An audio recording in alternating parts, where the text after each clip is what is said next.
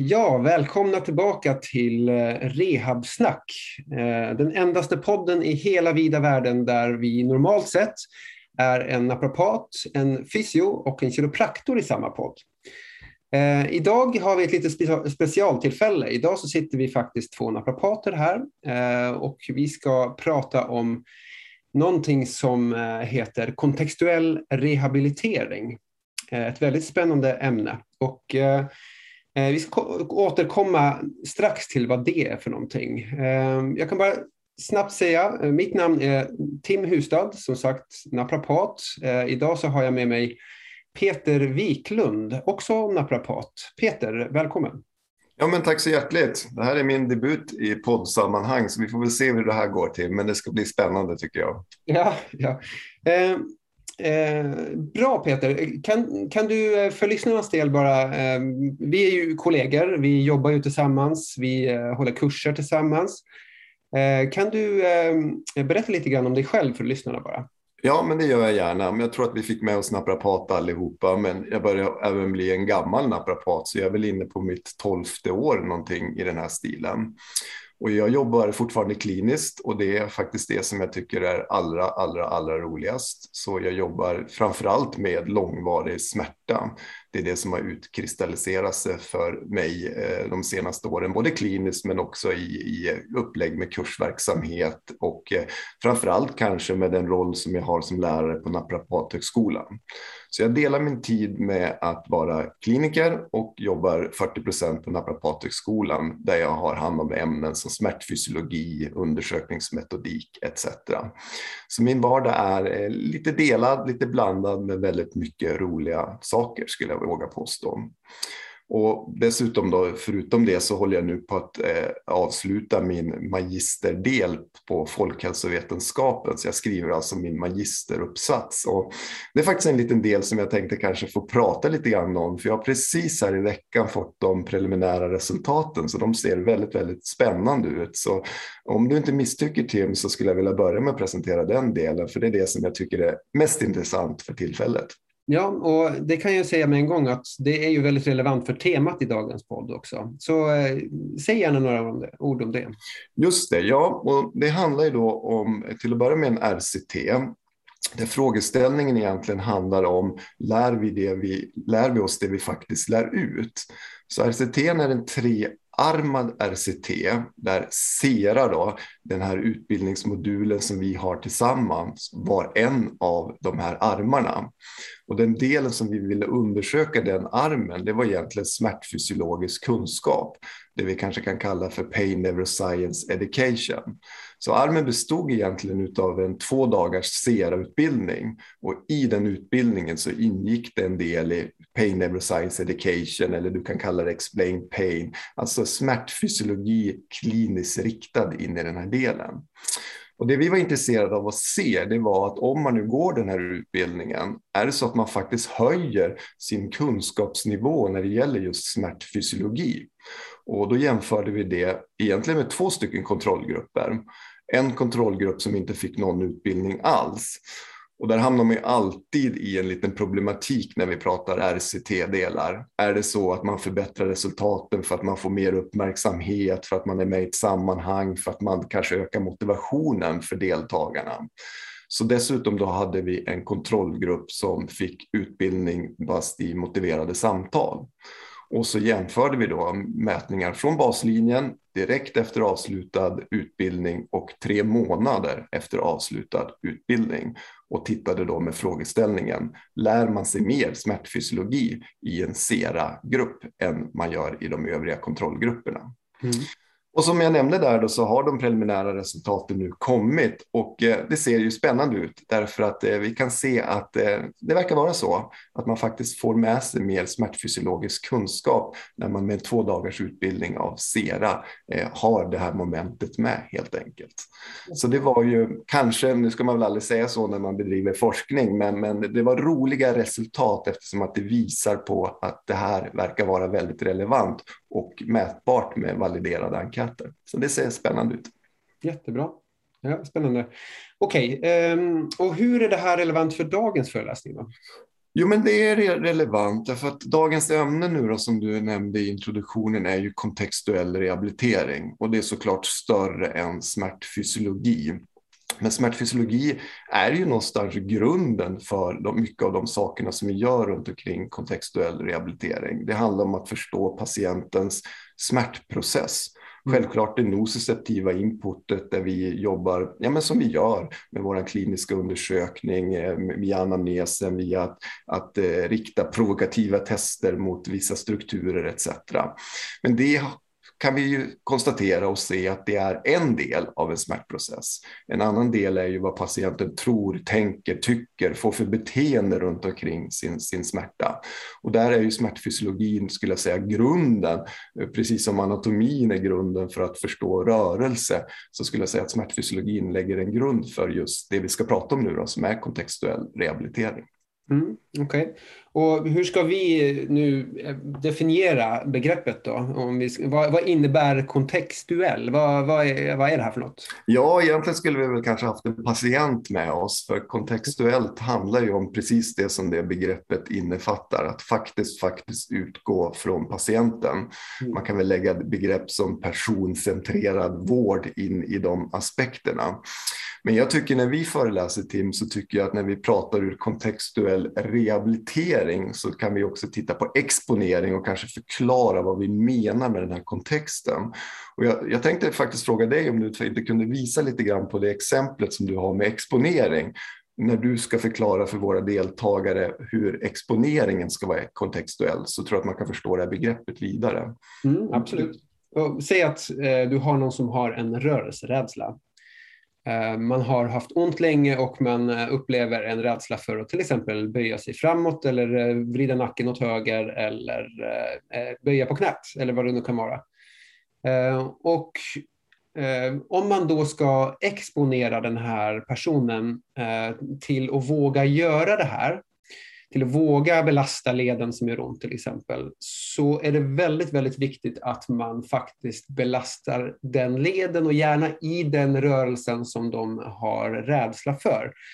Ska det nämnas också att här har man gärna gjort en screening inledningsvis, alltså en undersökning, en screening. Man har, man har förstått att okej, okay, leden är inte så kalla trasig som patienten verkar tro. Här kan vi faktiskt må bättre av belastning. Det måste ju vara första slutsatsen man har kommit till. Och sen så, eh, men, men det kanske inte patienten tror på eller vågar att tro på. Och då vill man ju liksom exponera patienten in i det och då eh, handlar det om att eh, exponera dem till det de faktiskt är rädda för. Det, det som, liksom, om, du ska, om någon har, har en spindelfobi så, så kan du ju inte ta dem in i ett rum fullt av fåglar för att, att behandla dem eh, bara för att de kanske inte vågar gå in i rummet med spindlarna. De måste in i rummet med spindlarna. Det är där man kan säga eh, förändringen händer i, i hjärnan och i, i eh, ja, om du ska förändra den här, deras mod så måste de faktiskt exponeras för, för det. Ja. Så det är ju en del av det kontextuella. Ja, jag tycker det. det. Jag tycker att det är en bra beskrivning för det visar också på hela helheten som är större än exponering när vi pratar, pratar det här begreppet. Och man skulle väl kunna översätta det lite grann till skräddarsytt eller individanpassat. Alltså en form av prioritering eller triage för patienten som verkligen driver rehabprocessen framåt. Den typen av begrepp kan man lägga i den kontextuella rehabiliteringen. Ja. Men det vi har gjort med den delen och i våra utbildningar och som vi tänkte utgå från i den, här podden, det är ju de stegen som vi tar oss igenom för att faktiskt uppfylla det vi ser som kontextuell rehabilitering. Ja. Så det är väl en bra utgångspunkt för den här diskussionen tycker jag. Ja, så då tänker jag göra så här att jag Um, nu kommer inte poddarna att se det här, men jag kommer ju att lyfta fram en liten en slide, en bild som vi kommer utgå ifrån. Och uh, vi kommer förklara den helt enkelt. Uh, och det är kalla processen som vi eh, jobbar efter. Vi ser. Ser du det nu Peter? Mm, det ser jättebra ut. Och det, vi kan väl börja för poddarna bara snabbt beskriva vad det är vi ser framför oss. Det är alltså fyra trappsteg Tim och, och eh, de består egentligen av den första delen som handlar om screening som vi ska prata om alldeles strax. Det andra trappsteget handlar om smärtföreställning. Det tredje trappsteget handlar om smärtbeteenden och det fjärde trappsteget det handlar om grad av sensitisering. Så där har vi vår process och det är också den processen som vi utgår ifrån i den SERA-utbildningen som jag nämnde inledningsvis med RCT. Mm. Okej, okay. screening då, vad är det vi pratar om då? Ja, jag skulle vilja påstå att vi pratar nu om screening ur ett fundamentet, basen ur biopsykosocial approach. Det vill säga att faktiskt förstå vilken person vi har framför oss. Och det finns ju såklart många olika sätt att göra det här. Det finns validerade enkäter. Eh, vi känner till många av de som, som är populära där ute som Örebro eller Startback Tool. Eh, screeningdelen kan utföras via anamnesen etc. Våran take på det här det är att kanske jobba lite, lite, lite bredare initialt att utgå från lite kontaktpunkter eller kommunikationspunkter med patienten. Så det vi gör helt enkelt är att vi har en enkät med 12 stycken frågor som då är frågor som kommer ifrån olika validerade enkäter. Det ska vi väl vara noga med att påpeka. Eh, och anledning till det, det är för att vi har velat skräddarsytt framförallt frågor som riktar sig lite mer mot beteendeaspekter kring de här delarna. Så kort kan man se att när man har gjort den här enkäten så kan man väldigt lätt plotta upp det få en profil runt omkring en kommunikation som kan vara väldigt väsentlig för hur man tar den här patienten vidare. Så helt enkelt en kartläggning, en, en, ett, ett fundament, en grund att börja sin kommunikation kring i de här delarna. Ge, ge mig ett klassiskt exempel här då. Ja. Någonting, någonting som sticker ut i screeningen som leder till någonting. Vad skulle det vara? Ja, jag, jag tycker att man kan ta det absolut vanligaste aspekten i det. En sån fråga som finns med i det här spindelnätet, den här eh, eh, kartläggningen som jag beskrev, det handlar om skadetro. Och frågan är formad på så vis att det handlar om att försöka fånga upp vad patienten tänker och tror runt omkring sin smärta. Kort och gott skulle vi kunna översätta det till, tror att det är en skada som är orsaken till den här smärtan som du har. Mm. Så föreställningar om att disken är trasig eller har en artros eller den typen av delar som ger utslag i den här kommunikationspunkten. Och många gånger då så har vi patienter som svarar väldigt högt på en sån kommunikationspunkt, det vill säga vi ser att det här kan vara relevant. Och när man sen ställer det kring undersökningen och övrig anamnes så kan man som, som kliniker se att det är nog inte troligtvis en skada som faktiskt föranleder den här smärtprocessen. Så just den där dissonansen, att fånga upp vad patienten tror och tänker och eh, eh, hur det faktiskt ser ut från det objektiva perspektivet kan vara någonting där man ser att här har jag någonting som behöver adresseras. Så det skulle jag säga är en av de vanligaste delarna. Mm. Och sen en annan fördel med de här kommunikationspunkterna är ju i den eh, psykosociala sfären att faktiskt fånga upp saker som, som kan vara svåra i anamnesen att få fram eller lyfta fram eller, eller, eller hitta, åtminstone i de initiala besöken, som mm. exempelvis nedstämdhet. Har man en patient som svarar väldigt högt på nedstämdhet, ja men då kan det vara väldigt adekvat att gå vidare där med specifika enkäter som är validerad för risk för depression och sedermera kanske remittera en sån patient vidare. Det så det är ett skyddsnät och en kommunikativ punkt, så skulle jag vilja uttrycka Ja, det, det, är en viktig poäng det här. För att många tänker ju såklart som använder Örebro till exempel, så tänker man vad är det validerat för? Varför använder jag det och vad ska jag använda det till? Eh, Medan syftet egentligen med vår screening är väl att man, eh, det är inte, du kan, man kan ju aldrig ta en fråga och få eh, en validerat svar nästan på någonting. Man måste nästan ha en hel enkät för att bara ta reda på kanske just nedstämdheten. Men det vi gör är att vi samlar in en bredd av, av, av information och så har vi en fågelperspektiv på patienten som kan göra att vi snabbt kan få en inblick i vad vi har framför oss och så kan man eh, fokusera eller försöka liksom utkristallisera, ta sig i en riktning där man känner att det är eh, viktigare kanske att börja eller att, eh, ja. Och så kan man, som du säger, kommunikationspunkter, man, man frågar runt punkterna så att man kan eh, Eh, ja, lyfta fram eventuella, eh, om det behövs något mer än, än, kanske bara den här ena frågan, vad som har ställt. Så eh. Ja, jag tycker att det är en otroligt fin bas att utgå ifrån och jag skulle vilja plocka upp det där ordet med inblick som du säger eller insikt och för ibland har man patienter där det spretar i väldigt många olika riktningar och som du säger skulle man välja alla de här riktningarna ja då kommer man kanske inte ens vidare i sin, sin, sin övriga rehabilitering. Och, men just den här delen att faktiskt bara kunna medvetandegöra, att kunna ge patienten en, en, ur en kommunikativ aspekt, att titta på så här ser det ut. Det här är aspekter som potentiellt skulle kunna påverka den här smärtprocessen. Så den medvetandegörande processen där man lugnt som kliniker kan tänka sig att information är behandling. Ja, det är en otroligt fin del att, att ha ur det här fågelperspektivet. Ja. Och sen som sagt kanske hitta en eller två av de här punkterna som man då prioriterar eller bedömer vara viktig för det patienten visar upp för övrigt. Och det är såklart övrig anamnes, övrig undersökning som det här måste kompletteras med. Så det är ett hjälpmedel, det är inte ett, ett facit för ser ut så, gör så här, utan det, det handlar om att, att få en större helhet in, initialt med patienten. Ja, och så är det för oss som jobbar i en eh, manuell behandlingssfär kan man säga som naprapater så kan det vara ganska bra och, eh, för patienter som kommer att ha en, en förväntan om att eh, men ska inte vi bara, ska inte du lägga mig på bänken så ska det hända massa grejer här så kan det vara väldigt bra eh, liksom, entrance point och, och se att oj, men det är andra saker att ta tag i här. Så det är också en grej som kan vara viktigt att, att få fram. Fler möjligheter eh, för rehabilitering, eh, helt enkelt. Det är vad det öppnar upp för. Ja. Bra, eh, jag tyckte det eh, var bra sammanfattat. Eh, om vi glider över på nästa trappsteg, så nu var vi på första trappsteget, screening. Nästa trappsteg var smärtföreställning.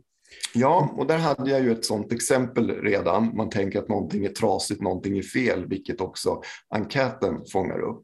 Men en, en otroligt viktig del och kanske det som jag 12 år senare tycker är mest intressant nu, det är ju samspelet med patienten. Det handlar om anamnesen, kommunikationen, det personcentrerande. Och en fråga som jag alltid har med när vi pratar anamnesdelarna, det är vad tror du är fel? Vad tror du har hänt eller vad har du fått höra? Det som helt enkelt öppnar upp för att fånga in just patientens smärtföreställningar. Mm. Att få det här, vi kan kalla det om vi kommer från enkät så kan vi kalla det här det kvalitativa runt omkring vad man tror och tänker runt sin smärta. Och här har vi ju de här delarna som jag just nämnde. Någonting är trasigt, någonting är fel, eh, jag har en viss hållning, det här borde vara utslitet. Den typen av idéer. Men, men också idéer på kanske en nivå som handlar mer om funktion, att jag är för svag eller, eller eh, det här är, är instabilt. Eller den typen av tankar som, som, som många gånger föranleder patientens tro runt omkring eh, sin smärta. Så kort och gott kan man säga att smärtföreställningarna fångar upp om det här finns någonting runt omkring smärtprocessen som kanske inte riktigt rimmar med det vi faktiskt ser framför oss och då skulle kunna vara värt att adressera. Ja, och jag ska bara skjuta in här då att det står adaptivt och maladaptivt under det här trappsteget. Och adaptivt är ju att det är, ska vi kalla det, gynnsamt för patienten. Det är alltså eh, en, en smärtföreställning som kan hjälpa. Som att eh, har du precis brutit benet så är smärtföreställningen att oj, shit, någonting är trasigt, jag ska inte stödja på det här benet. Det är ju väldigt adaptivt. Eh, om, om benet har läkt och det har gått eh, två år och du vågar inte stödja på benet, då är ju samma för, smärtföreställning om att jag vågar inte stödja på benet. Det är ju, det är ju då en maladaptiv eh, smärtföreställning. Det är någonting som inte gynnar patienten längre, som borde egentligen vara runt och skutta på benet. Så adaptivt, maladaptivt, de två begreppen använder vi en hel del. Ehm, mm. Hade du något mer runt smärtföreställning eller ska vi smyga oss över i smärtbeteenden? Ja, jag tycker det. Jag tycker att det här andra eh, trappsteget med smärtföreställningarna leder oss in och går in i det tredje, tredje steget som jag tror är mer kliniskt intressant att faktiskt prata om. Så summeringen på det andra steget är att ta reda på vad patienten tror, tänker, har hört runt omkring sin smärtprocess. Och just den föreställningen påverkar ju mycket av nästa trappsteg, vilket är smärtbeteenden. Vi kan väl nämna precis som du gjorde att där har vi också den här indelningen med adaptivt och maladaptivt. Mm. Och vi kan väl ta ett exempel där också för att klargöra det här ytterligare. Säg att vi har en patient som har en väldigt eh, stor bracing-strategi, alltså man spänner sig, man krampar, man vill inte exempelvis böja sig framåt ja men det kan ju vara ytterst adekvat eh, initialt i ett ryggskott, att man faktiskt har den skyddande åtgärden. Eh, men på samma vis som du hade exemplet under tid, är det så att jag nu behåller den här strategin med bracing-delen och inte böjer mig framåt två månader senare, två år senare, 20 år senare, ja då har vi ett maladaptivt beteende. Mm. Så det är lätt att överblicka. Ännu mer intressant och det som jag jag brinner för kliniskt nu, det som håller mig uppe att vilja träffa patient efter patient efter patient, det är ju den ytterligare indelningen i de här maladaptiva beteendena. Och det är en sån sak som jag eh, inte har jobbat med så himla länge, ur, ur ja, fyra, fem år. Man får avgöra själv om det är länge eller inte. Men när jag fick upp ögonen för det här och kunde börja kategorisera patienterna för undergrupper i det här maladaptiva beteendet så har det verkligen, verkligen tillfört någonting i den kliniska processen. Mm. Och det jag pratar om då, det är ju just de här beteendena där vi kan se det som två stycken motpoler egentligen. Där det ena är det här avoidance-beteendet. Det är patienten som inte vill böja sig framåt. Det är patienten som inte leker med sina barn på golvet. Det är patienten som kanske är sjukskriven. Den som helt enkelt har, om man kan tänka sig fear avoidance-perspektivet, så tror jag att vi kan se den här patienten framför oss. Och, och, till motsatsen till det så har vi den patienten som har ett beteende som är mer av ett endurance-beteende. Och där kan man tänka sig lite grann den här hjälten, den som biter ihop, den som knyter handen i fickan. Det vill säga det är patienten som inte grimaserar när den böjer sig framåt. Det är patienten som gör rörelse, som går på gymmet, men som får ont efteråt en patient som tvingas in i smärtan, som tvingas in i de här momenten, som kanske inte riktigt medveten om vad som faktiskt bombarderar nociceptivt in från de här momenten. Mm. Så två helt skilda eh, beteenden med två helt skilda rehabiliteringsstrategier. Och det är viktigt att identifiera de här, för, just för att strategierna skiljer sig så, så väldigt markant åt. Mm. Det klassiska med, med en endurance det är ju den här som kommer och säger att men det, det, känns ju så, så sjukt bra när jag springer. Det känns ju så sjukt bra när jag är på gymmet. Jag kan inte fatta att det är någonting dåligt med det. Mm. Eh, men det är liksom alltid krasch dagen efter. Och, men det har man liksom aldrig klart att koppla ihop helt. Så som, som kliniker så tycker man ju att, att eh, hur ser man inte sammanhangen? Men eh, det, det, är väldigt vanligt då faktiskt, tycker jag, att se att man, man ser inte helt sammanhang mellan det. Men man tänker väl, känns det bra så borde det vara bra bara helt enkelt. Eh, och, och man tänker ju inte så mycket på fysiologiska processer och hur kroppen reagerar och att det tar ett dygn, två dygn, tre dygn för en sena att återhämta sig. Det är ju ingenting som finns i en, eh, i en patients hjärna oftast. Nej, och man kan ju tycka det är lite grann som man kan dra en liknelse med sina egna barn och andras barn. Det är lätt att se när andra inte gör som man tycker att de borde göra i sin uppfostran, men jag tror att man är väldigt hemmablind för de här sakerna. Och det är ju så med beteenden, eh, spännande ämne överhuvudtaget, men just beteenden är ju till viss del styrd på automatiseringsnivå. Så det är inte säkert att man reflekterar över de här beteendena precis som du är inne på. Men jag håller med dig, det är den klassiska delen och intressant med de här patienterna är ju att vi behöver faktiskt hitta strategier som kanske går lite stick i stäv med det som vi är matade med. För vi är ju matade med att träning är bra, det är smärtlindrande, man ska träna, man ska rehabilitera.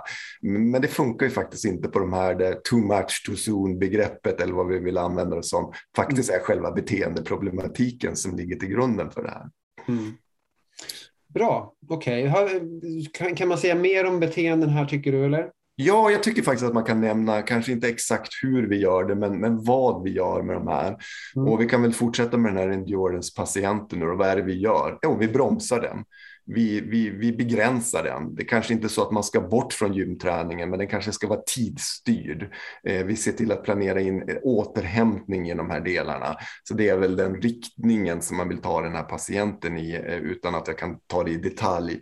Eh, och, och samtidigt som att vi är påpassliga att de ska förstå sin smärtprocess också.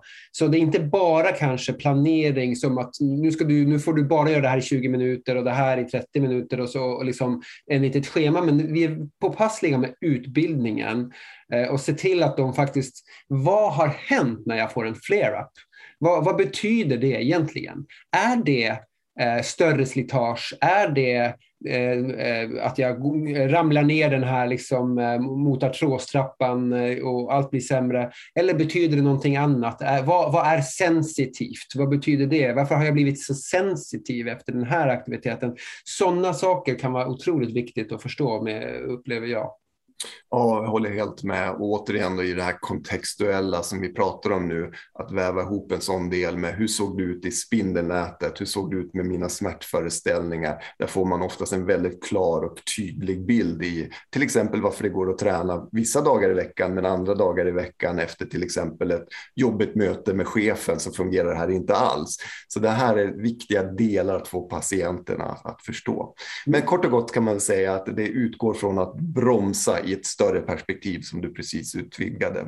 Ja, och avoidance då? Vad gör vi med, med... Ja, men precis tvärtom och det är därför det här är så viktigt. För om vi tittar bara generellt på rehabilitering så vet vi idag att om jag ska välja manuell behandlingsteknik så kanske det inte spelar jättestor roll, åtminstone på gruppnivå, om jag manipulerar, mobiliserar, tränar, stretchar eller vad jag nu väljer att göra. Men här har vi en sån väldigt tydlig vägdelare därför att här gör vi precis tvärtom. Avoidance-patienten, ja det är ju en person som behöver gasas. Det är den som behöver exponeringen som vi nämnde när vi ville förklara begreppet som vi pratar om idag. Så det är helt enkelt en patient som man gradvis hjälper med exempelvis en belastningstrappa som gradvis tar den mot patientens målsättning in i, i rörelse, vilket är det som vi jobbar med. Och självklart med stöd utifrån de delarna som kan poppa upp runt omkring att jag nu ska börja göra saker som jag inte har gjort på väldigt länge. Och det handlar många gånger om, om, om rädsla, rörelserädsla in i de här delarna. Så att mm. hjälpa en sån patient att börja lita på kroppen igen, att börja eh, automatisera de här delarna igen. Det är ju den resan som vi, som vi vill ta. Mm. Så ska man dela upp det så skulle jag säga att en avoidance gasar vi, en endurance bromsar vi. Och självklart är det större mm, aspekter runt omkring den där gasen och bromsen. Men det visar åtminstone på riktningen med det här beteendet. Ja, och vi kan säga för de som eh, eh, lyssnar nu som kanske är, är, är eh, mycket liksom och, och um, på mycket kurser, kanske läser mycket och sånt där, att, att vår, vårt sätt att jobba med avoidance-patienter, speciellt med ländrygg, är ju väldigt likt CFT, det här Cognitive Functional Therapy med Peter O'Sullivan och Kjartan Fersum och gänget. Eh, som vi också blev inspirerade av eh, några år tillbaka. Och då, då handlar det ju väldigt mycket om just det här att Ehm, att en patient som inte vågar böja sig framåt liksom vågar göra det. Eh, och sen har ju det här liksom under åren som har gått senare utvecklat sig och, och det här är ju uppenbart någonting man kan jobba med i, i hela kroppen och eh, allt ifrån knä, höft, eh, nacke och, och sånt här kan man jobba med avoidance-patienter på det här sättet. Eh, och ehm, eh, ja, eh, eh, är det någonting mer på smärtbeteende känner du eller är vi på, på sista steget? Ja, ja, jag tycker att man kan lägga till den riktningen som finns nu som du är inne på med just att jobba med symptom modification aspekter, att jobba med logiska konflikter, att involvera patienten i det här. Alltså mm. symptom modification som handlar om att smyga under radarn i smärtan för att kunna ta sig an och börja jobba med, med rörelse, att böja sig framåt på ett lite annorlunda sätt som kanske gör mindre ont så att man bygger upp en self-efficacy, alltså en kognitiv eh, tro på att jag klarar av det här mm. och den logiska konflikten som, som i ett sådant fall kan handla om att spela tillbaka det här till patienten. Hur upplevde du det här? Hur kändes det nu när du slappnade av? Ja, det gjorde mindre ont och så bygger man på det helt enkelt. Så det är ett otroligt spännande fält att jobba med smärtbeteenden och de här kliniska verktygen som, som du nämner som har utkristalliserat sig de här senaste åren. Mm. Det, det, det kan väl få summera det hela kanske. Ja, Eh, och sen så står det grad av sensitisering på trappsteg 4.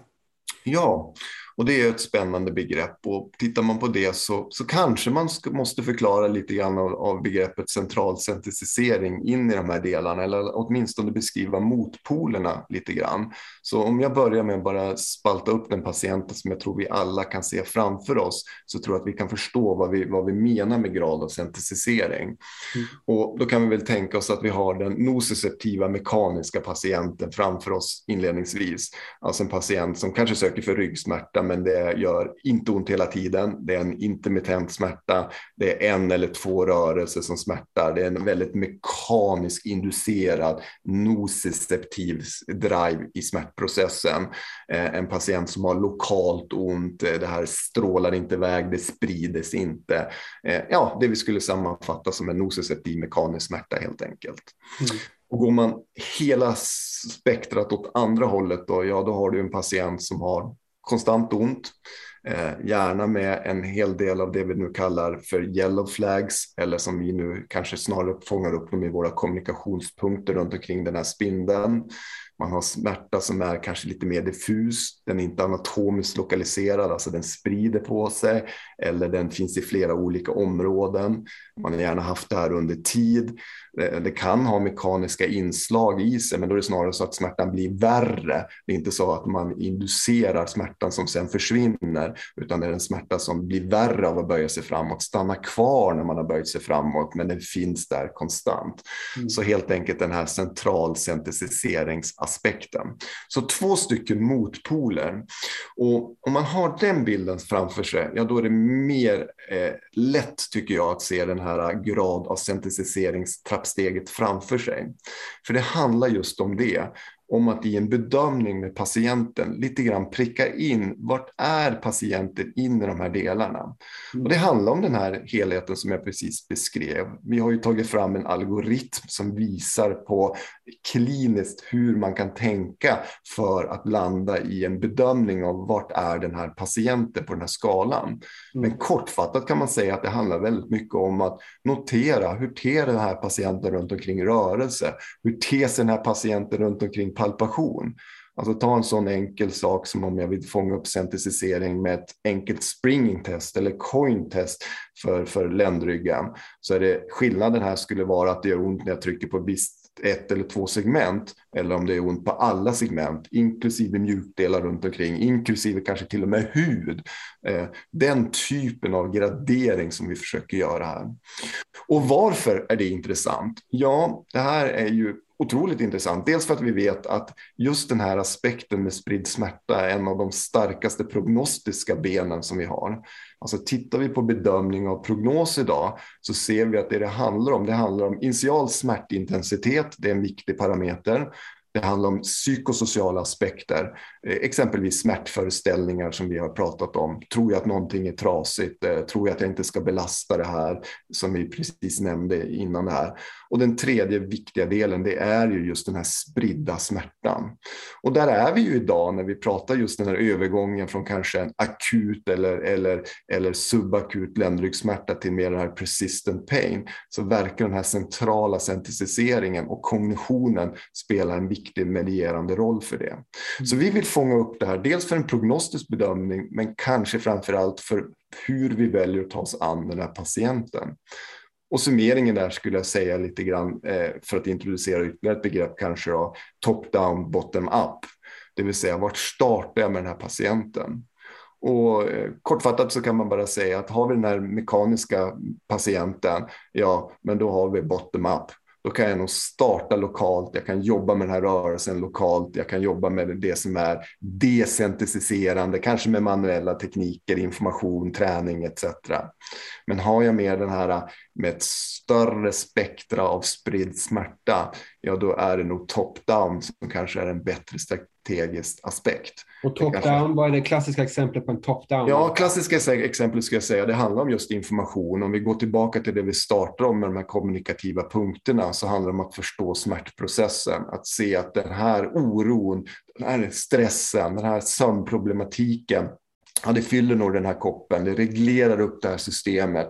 Den gör att när du nu belastar ditt knä där det kommer sin varningssignaler ifrån så tolkar man nog det i högre grad än om den här koppen inte hade varit full. Så det handlar väldigt mycket om information, att ta med sig de delarna.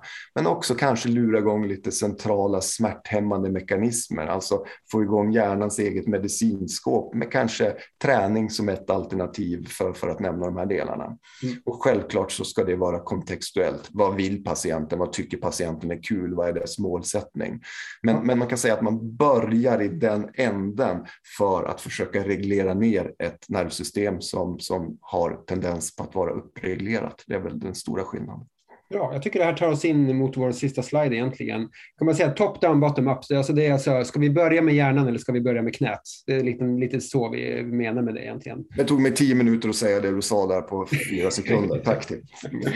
Bra, så jag, jag, jag lyfter fram vår sista slide, men mindre du hade någonting du ville Uh, fortsätta där. Nej, jag tycker att det var en, en, en bra del i, i, i, i den kontextuella rehabiliteringen. Och återigen, nu pratar vi utifrån ett eh, schematiskt upplägg. Eh, kontextuell rehabilitering det beskrivs absolut bäst med patienten framför oss. För det är det det handlar om. Prioritering, triage och en strategi och väg framåt för just den individen. Ja, så nu har jag lyft en ny bild här då för podd, eh, poddarna, så ska jag förklara snabbt vad det innehåller. Det, det är alltså en, eh, det är fyra eh, hörnor här på en, en fyrkant med fyra bilder. Det är alltså, eh, I mitten så står det kontext och det här är hur vi ser på när vi ska börja vår rehabilitering. Nu ska vi hitta ett bra rehabiliteringstränings exponeringsupplägg eller vad vi nu ska kalla det för en patient. Och eh, vi har alltså fyra hörnor här som vi vill eh, ha i bakhuvudet. Och längst upp till vänster så är det en bild av en eh, eh gubbe, en man. Eh, och eh, då står det förutsättningar. Vad, vad är det för förutsättningar som personen framför oss har? Vad ser vi?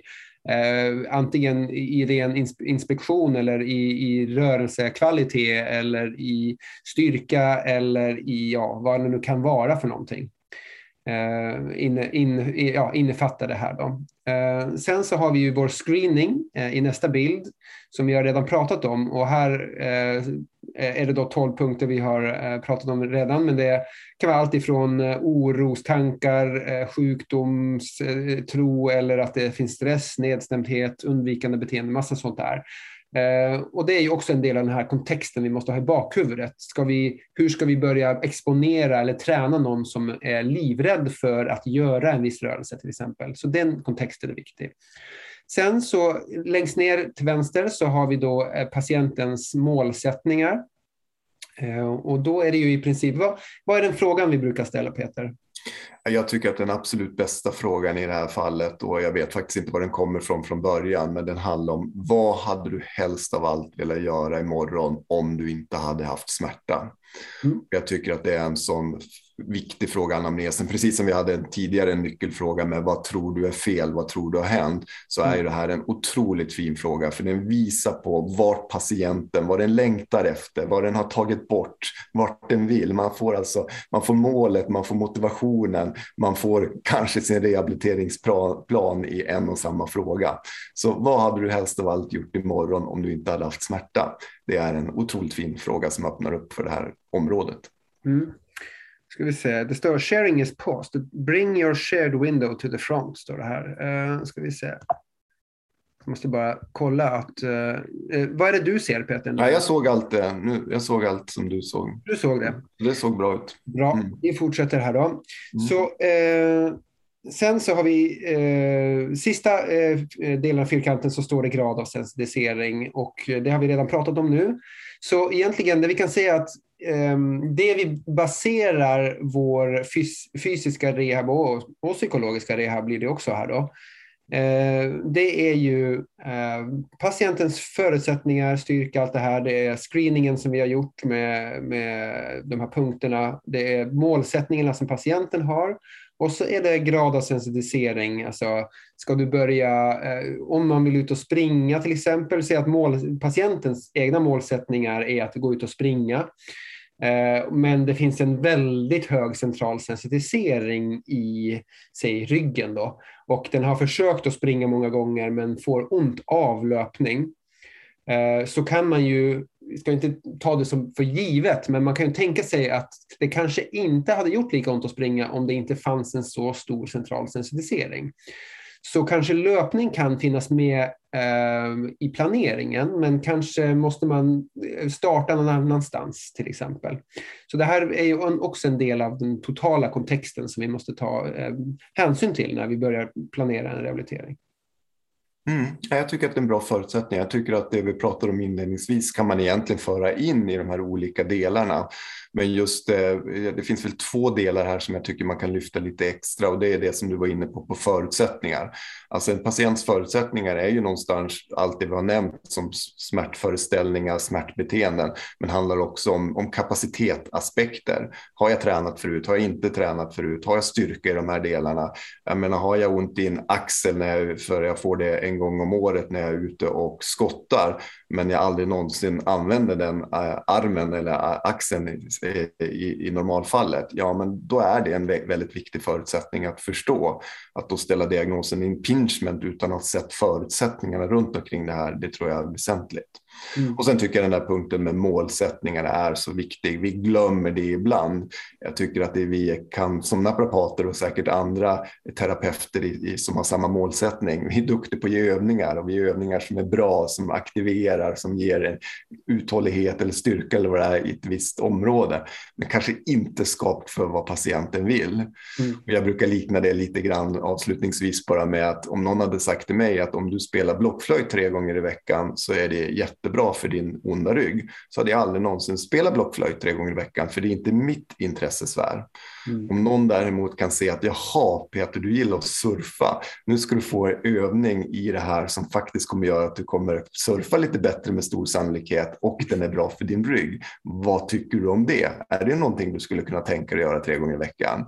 Ja, det hade jag köpt. Ja, och det, just den delen har vi tendens att tappa lite grann ibland och det är en viktig del som vi vill trycka på. Vad är patientens målsättning och förutsättningar för att gradvis ta sig dit? Det är det vi vill lyckas med allihopa allihopa av oss. Mm. Det var en väldigt fin eh, avslutning Peter. Jag eh, tror vi har eh, på mer eller mindre bra sätt här eh, fått fram vad vi lägger i vårt begrepp här kontextuell rehabilitering. Är det någonting du vill eh, lägga till med det vi har, det vi har sagt så långt? Nej, jag tycker att det är spännande det här. Eh, nu skrapar vi lite grann på ytan, eh, men jag hoppas att det har varit intressant att lyssna på. Så jag vill egentligen bara få, få tacka för att du bjöd med mig Tim. Det var, det var kul att, få vara med och prata lite grann om det här. Ja, sen så eh, vi lär ju ut det här som sagt. Nu beroende på när du hör den här podden så, så kan vi ju säga att vi kommer att hålla löpande kurser. Det finns en kurs nu som är den, eh, var det nu, den 7 och 14 maj. Nu hoppas jag att jag får det mm, den här gången. Stämmer det. Stämmer det. Uh, och uh, det går att boka det. Vi, vi, kan lägga en länk till det under, uh, i podd, under, under poddtexten här någonstans så att man kan hitta det. Annars är det ju, vi, vi, oss hittar ni på seraed.com. Där kan ni hitta information om kurs eller annat. Um, annars så vill jag tacka jättemycket för att du uh, ställde upp Peter. Och, uh, det här var ju ett ämne som var väldigt lätt att prata om kände jag. Det var uh, saker som vi jobbar med varje dag och som um, jag tror, det här är ett sånt ämne känner jag ofta som är lite svårt att säga vad vi exakt gör. Men när man väl kommer in i köttet på det så är det väldigt mycket att säga. Ja. Eh, och det, det, det, är lite klurigt på det sättet. Men jag tror att vi fick ut ganska bra vad vi tänker och gör och, och ja, sättet vi jobbar och sånt då, genom den här eh, podden. Det tror jag med och jag tror att det är många som lyssnar som känner igen sig i hur man själv gör i de här delarna. Mm. Så eh, låt oss ses på en kurs, låt oss byta erfarenheter och idéer och fortsätta att utveckla de här sakerna tillsammans. Det hade ju varit fantastiskt tycker jag. Ja, Bra, då vill jag bara säga eh, tack så mycket för alla som, som har eh, följt den här podden. Eh, kom ihåg att eh, tipsa, dela och sånt här. Det gör jätte, jättemycket för vår, eh, vår podd. Och eh, vi kan säga också att vi har haft en otroligt fin utveckling på hur många som lyssnar på vår podd nu sista eh, halvåret. Och eh, det är jättekul att folk engagerar sig, ställer frågor och kommer med idéer till vad de vill höra. Eh, så tack för det, tack för allt engagemang och eh, vi kommer väl ses här, eller höras här eh, lite längre fram i något, något nytt avsnitt och då gissar jag att jag har mina vanliga poddare tillbaka här, Peter och Daniel. Tack för idag och tack Peter. Tack själv, ha det så bra. Hej då.